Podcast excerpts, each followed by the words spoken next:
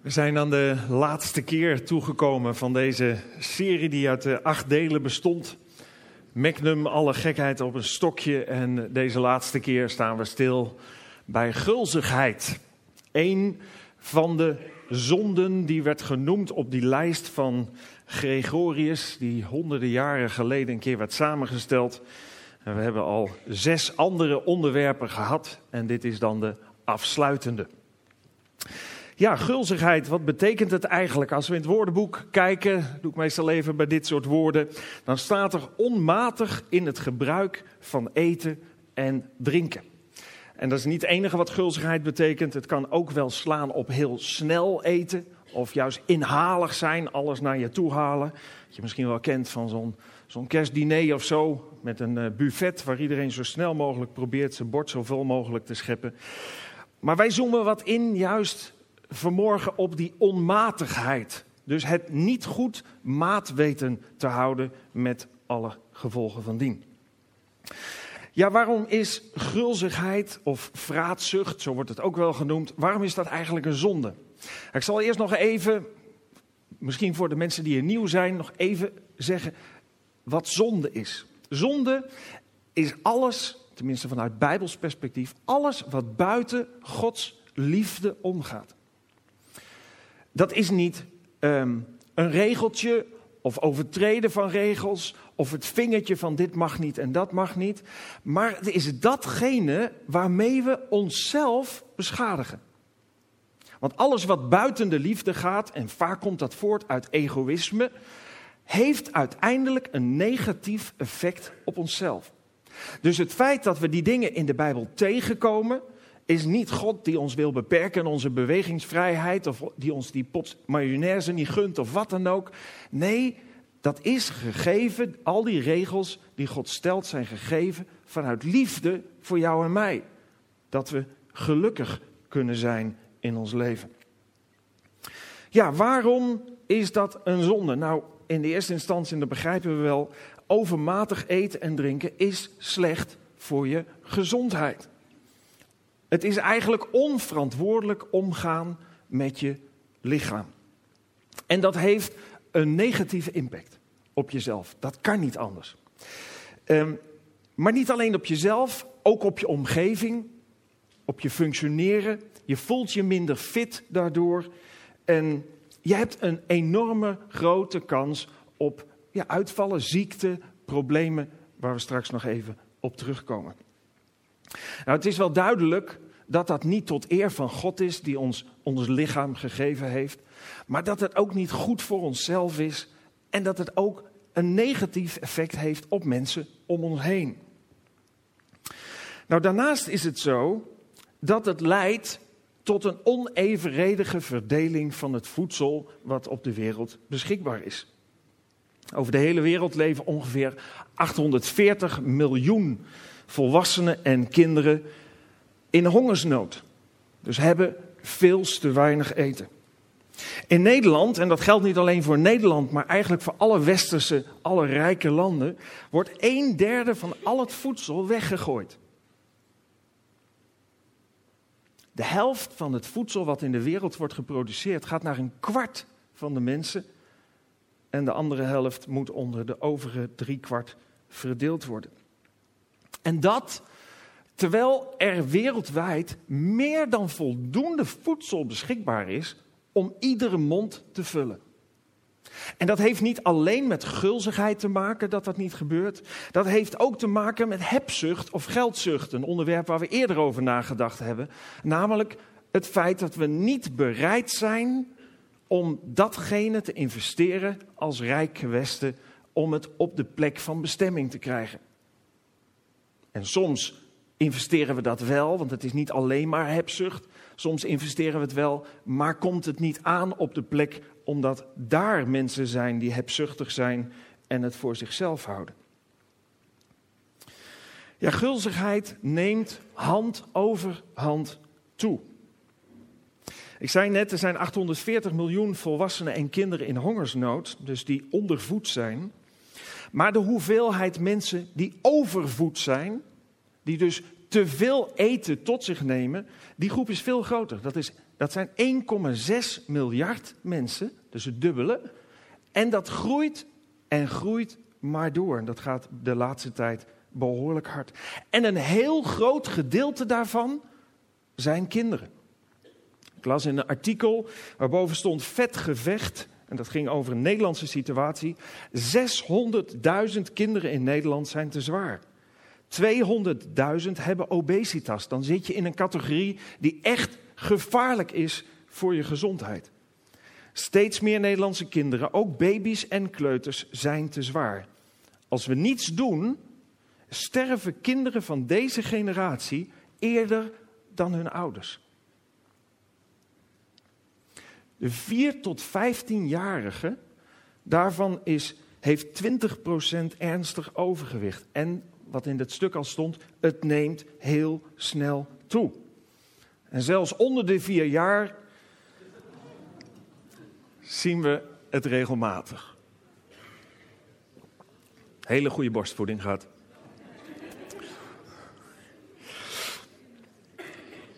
In Nederland, en um, dat is natuurlijk ook ernstig, in Nederland is de helft, hebben de helft van alle mensen in Nederland van 20 plus last van matig of ernstig overgewicht. De helft. Dat is dus niet een klein probleem, maar dat is een enorm groot probleem. En waarom is het probleem zo groot? Vanwege de ongemakken, maar ook vanwege de enorme risico's. Bijvoorbeeld suikerziekte, wat in toenemende mate een suikerziekte is ten gevolge van de te grote hoeveelheid voedsel die we tot ons nemen. Vetzucht, hart- en vaatziekten, tandbederf, kanker, maar ook dingen die niet met ziekte te maken hebben, maar met ons gevoel, hoe we in ons vel zitten, ontevredenheid over ons uiterlijk. En natuurlijk de vele ongemakken die het kan geven, zeker wanneer het heel ernstig is. Ja, heel veel heeft ook te maken met het voedsel wat we aangeboden krijgen. Het is niet alleen maar dat we ons volproppen. Het heeft ook te maken met de kwaliteit van het voedsel. Voedingsdeskundigen spreken over vier soorten witte dood.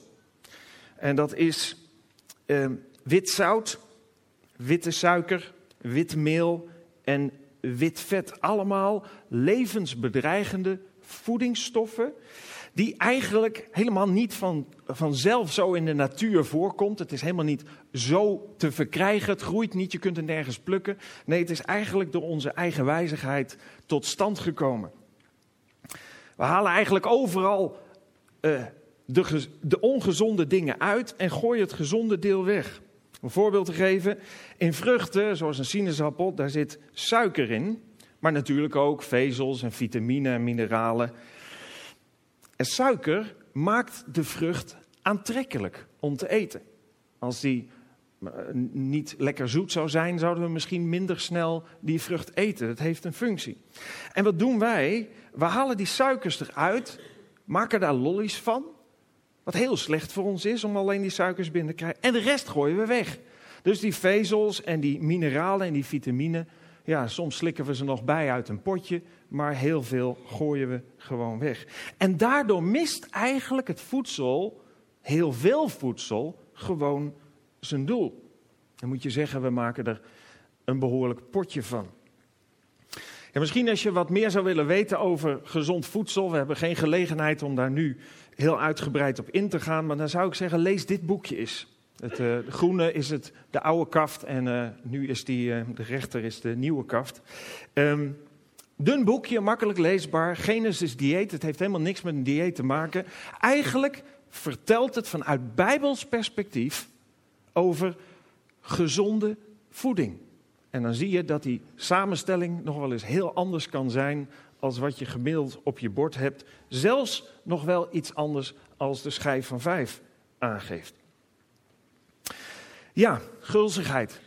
Waarom zijn we gulzig? Wat is nou de reden dat we meer voedsel tot ons nemen dan nodig is, dan wat, waar ons lichaam echt om vraagt? Nou, veel mensen zijn emo-eters, zoals we dat noemen, emotionele eters. We zagen er al iets van in het, in het filmpje. Er gebeuren dingen in je leven er is pijn, verdriet, teleurstelling, angst, spanning, stress. Allemaal redenen om dat even van je af te eten. En als je dat regelmatig doet en daar niet balans in vindt, dan heb je heel snel een probleem. Ja, je eet eigenlijk een stukje leegte of een probleem weg. En je wordt er steeds ongelukkiger van. Want het voelt wel even goed. Zo is het met alle verleidingen van het kwaad, alle zonden die er in het staartje hiervoor zijn geweest. Het voelt wel even fijn, het voelt wel even goed, het lucht wel even op. Maar de prijs die je er uiteindelijk voor betaalt is heel hoog. Er zijn ook veel mensen die gebruiken eten als een beloning. Je werkt naar een eetmoment toe. Nog even dit of nog even dat, of als ik dat klaar heb, dan mag ik eten. Eten als um, ja, beloning voor een prestatie. Heel vaak is dat met roken ook zo. Roken is ook vaak een beloning voor, oh, nog even dat en dan een sigaret, of nog even dat en dan een sigaret. Daarom zie je ook dat mensen die stoppen met roken sneller dik worden. Dat heeft niet alleen te maken met toename van je eetlust, maar dat heeft ook te maken met het feit dat je die, dat beloningsmoment niet meer hebt in het roken en het dan zoekt in het eten. Een derde groep, en dat kan met bovenstaande twee, of dat kan met die twee anderen te maken hebben dat zijn degenen die verslaafd zijn geraakt. Want dat gebeurt veelvuldig. En dat heeft heel sterk ook te maken, wat ik al eerder zei, met de kwaliteit van ons voedsel. Er zit ontzettend veel in het eten wat verslavend werkt, omdat het ja, eraan toegevoegd is. Het kan ook zijn dat je lange tijd heel veel hebt gegeten, waardoor je maaginhoud vergroot. En ja, dat levert op de lange duur ook een probleem. Ehm, een probleem op. En al die dingen, of één van die dingen, of een combinatie van die dingen, kan ertoe leiden ja, dat je gulzig bent. Beetje naar woord misschien, maar dat je aan het overeten bent. Ja, wat zegt de Bijbel er eigenlijk over? Nou, heel letterlijk staan er maar een paar teksten in de Bijbel die gaan over gulzigheid, waar het woord ook wordt gebruikt. Twee teksten uit spreuken. Daar staat in de eerste: bedwing je gulzigheid, ook al houd je van een goede maaltijd. Oftewel, prima om van lekker eten te houden, maar zoek naar balans. De andere tekst gaat, zegt: ga niet om met dronkenlappen, blijf bij gulzigheid vandaan. Oftewel, als je te veel omgaat met mensen die meer eten dan goed voor hen is, en maar het ene feestje naar het andere en het ene naar het andere op tafel, dan loop je het risico dat je daarin meegenomen wordt. Een derde tekst, dat is uit het boek Sirach, en dat heb je hier denk ik nog nooit op het scherm gezien. Dat is een, een Bijbelboek wat eigenlijk later aan de Bijbel, aan de katholieke Bijbel is toegevoegd. En wat in de protestantse Bijbels niet voorkomt, omdat toen daar de samenstelling van de Bijbel, ehm, toen daar de Bijbel werd samengesteld, het boek Sirach, maar dat niet alleen, ook een aantal andere boeken, niet als een door God geïnspireerd boek hebben aangenomen. De katholieken hebben dat wel gedaan en in dit gedeelte staat ook een goede aanbeveling over dit thema. Mijn kind staat er, onderzoek je levenswijze. Stel vast wat slecht is voor jou en geef daar niet aan toe. Want niet alles is voor iedereen goed en niet iedereen kan van alle dingen genieten. Wees in genietingen nooit overdadig en ga je niet aan lekkernijen te buiten. Want van veel eten komt ziekte en overdaad leidt tot onpasselijkheid. Door overdaad zijn velen gestorven, maar wie oppast verlengt zijn leven. Wat je in ieder geval ziet is dat deze tekst, die vele honderden jaren oud is, meer dan duizend jaar oud is, dat, deze tekst, dat in deze tekst alweer wordt gegeven dat het een negatief effect heeft op je gezondheid. Ja, veel mensen die lijden aan en lijden ook ten gevolge van overgewicht. En dan is de vraag natuurlijk, wat kun je er aan doen? Nou, als je op internet even kijkt, dan zie je afslanken is booming business. De pillenindustrie draait op volle toeren. om ons maar van allerlei dingen te geven waarvan we misschien wel slanker zouden kunnen worden. Diëten zijn hot. Dieetboeken gaan als warme broodjes over de toonbank. Het Montejac, het Sonja Bakker, het vetarm, het eiwitrijk, het 40 punten, het 1000 calorieën, het brooddieet en noem maar op. Is maar een klein stukje van de diëten die er zijn. Wie heeft er wel eens een dieet gevolgd in zijn leven? Eerlijk? Oké. Ben je al lid van deze club?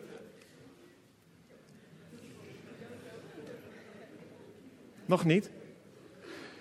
Want de meeste mensen die namelijk beginnen aan een dieet, die kunnen gerust ook lid worden van de Yo-Yo Club. Want dan zie je dat dat heel vaak op en neer en op en neer. En het blijft eigenlijk gewoon een strijd. Misschien wel je leven lang.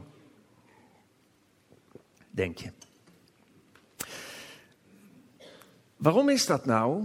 Omdat eigenlijk een dieet, alleen maar een dieet, niks verandert aan je gulzigheid. Niks verandert aan de onderliggende problematiek waarom je eet.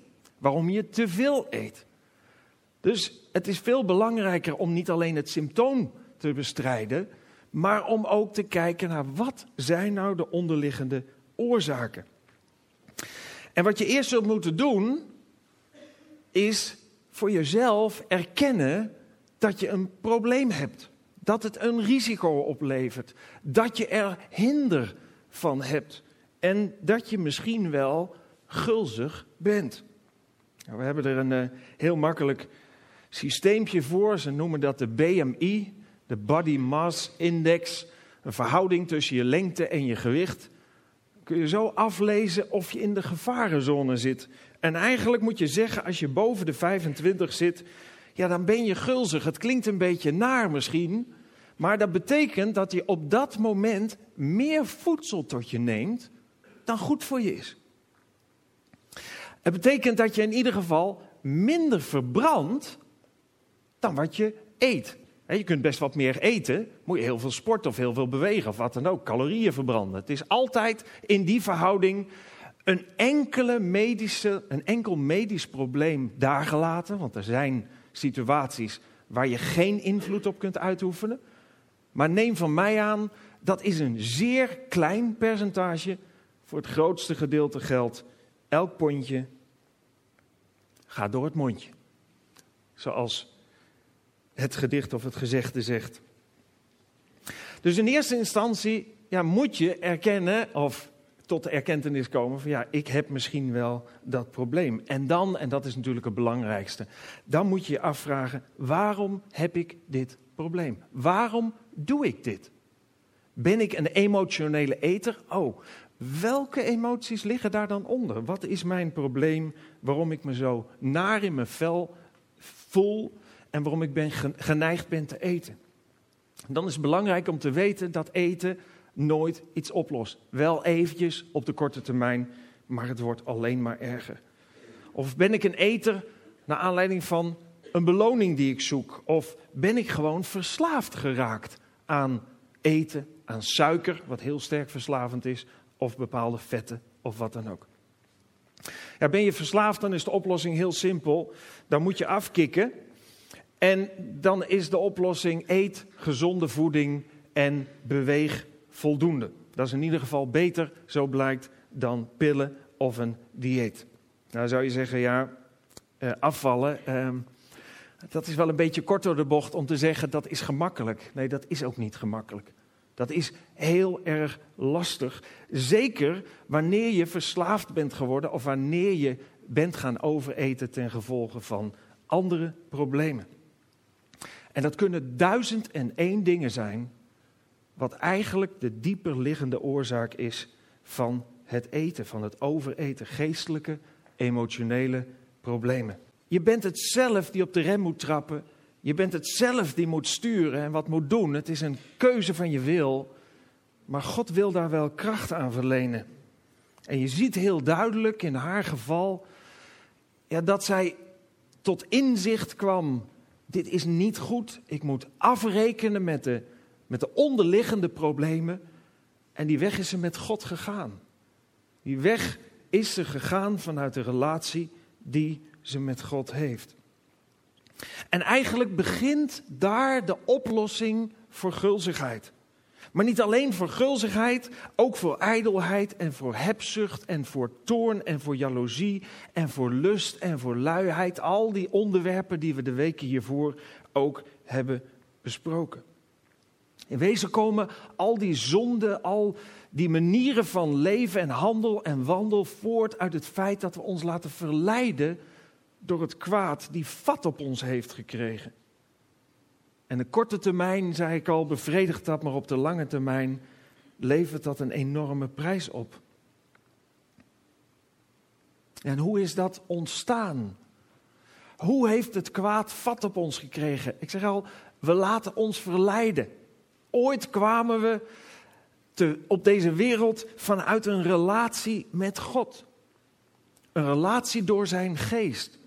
En in wezen is het zo dat de mens, wij allemaal individueel, en dat begon bij de eerste mens, wij laten ons verleiden door de leugens van het kwaad, de leugens van de tegenstander van God.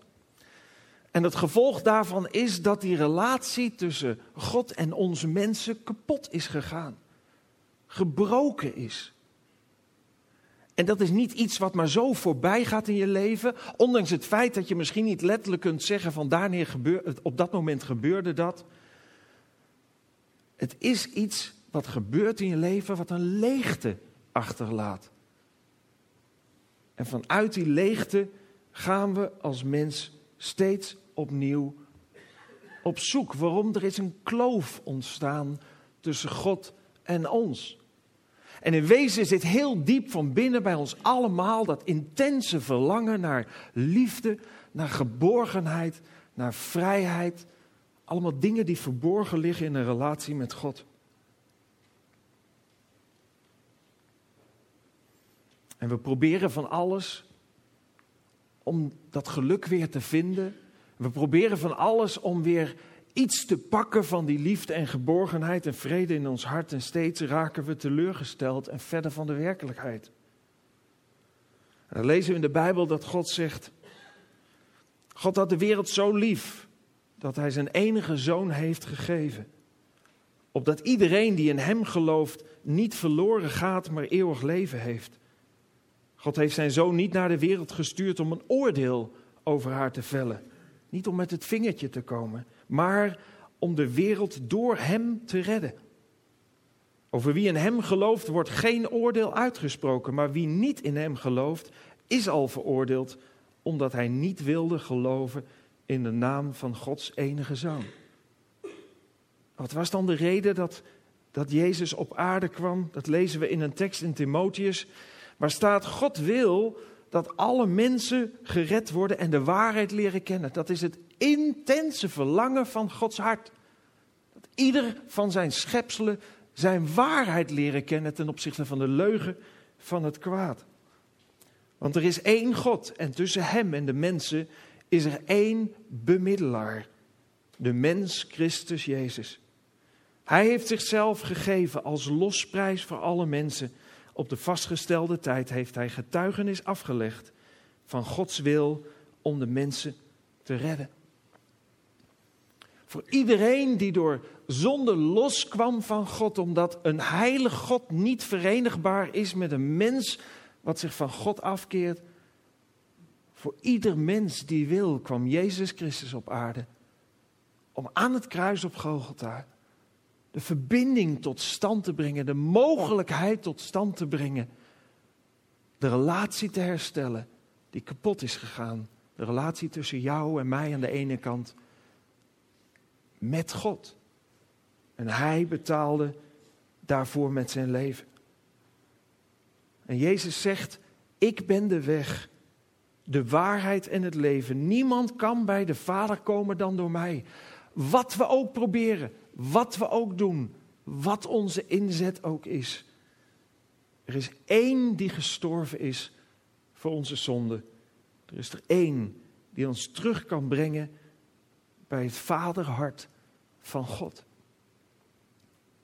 En misschien zit je hier wel en misschien realiseer je als je hier zit, ja, dat Dat jij die relatie wel bent kwijtgeraakt, maar dat er nooit een punt is gekomen waarop je eigenlijk ja hebt gezegd tegen God. Waarop je eigenlijk tot erkentenis bent gekomen, ja, ik ben een zondaar. Ik ben. Ik heb keuzes gemaakt die die breuk tussen God en mij hebben veroorzaakt. En ja, ik wil het offer dat de Heer Jezus Christus heeft gebracht voor mijn zonde uit zijn hand aannemen, van Hem nieuw leven ontvangen, wat niet alleen effecten heeft hier en nu, maar ook over de grenzen van de dood. En ja, ik wil God volgen. Ik wil Hem gehoorzaam zijn, omdat ik weet en ben gaan zien dat het voor mij het beste is.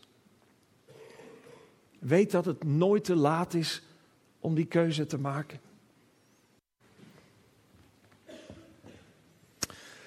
Ja, waarom uh, laten we dit dramastuk zien? Waarom hebben we daarvoor gekozen? Omdat het kan lijken als je het hebt over deze zonde, deze zeven zonden waarover we de afgelopen weken hebben nagedacht. En je doet een oproep om een keuze te maken, dat dat het is. Zo gemakkelijk, je geeft je hart aan de Heer, je draagt je aan Hem over en dan is alles koek en ei. Maar dat is niet de realiteit.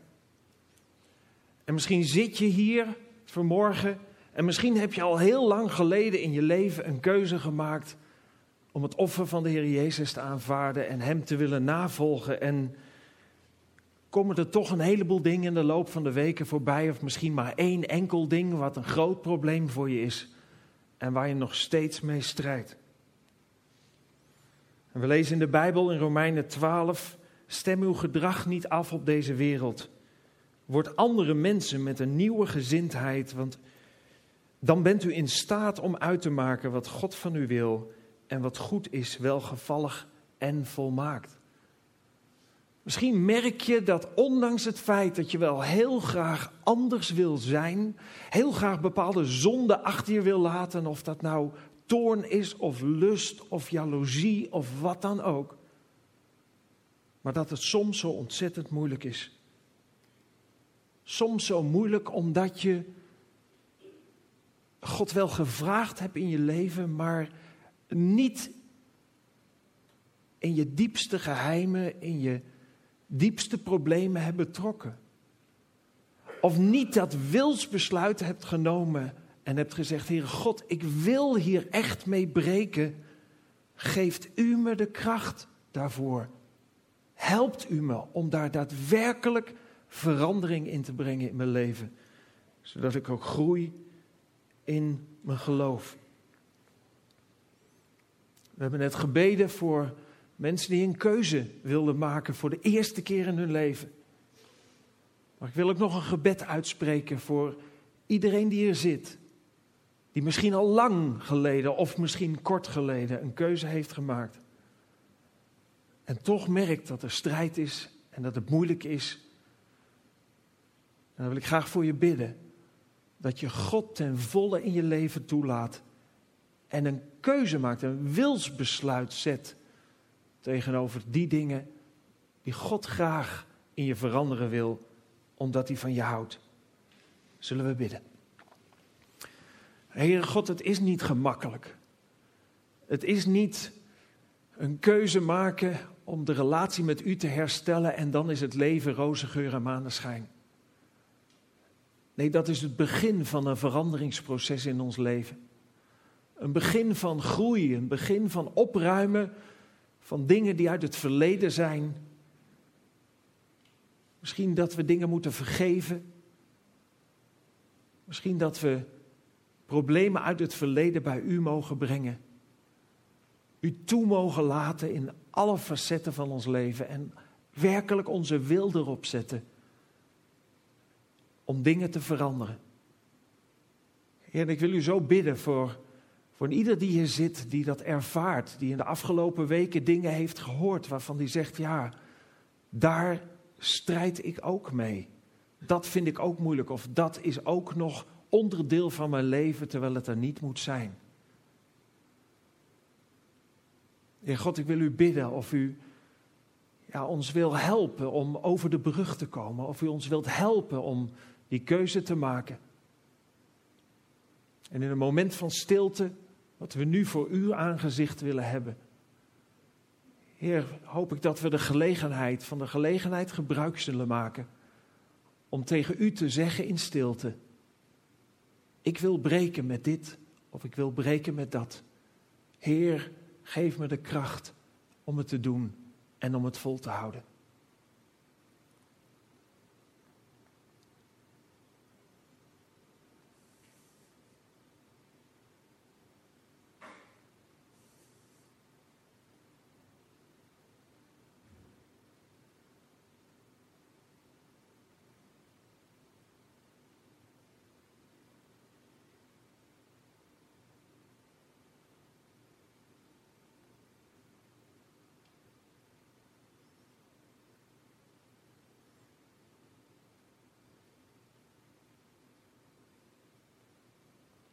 Heer, u bent een hoorder van ons gebed. En we willen u vragen of onze gebeden wilt verhoren. En ons wil helpen om dat te doen wat we in ons hart hebben voorgenomen. Amen.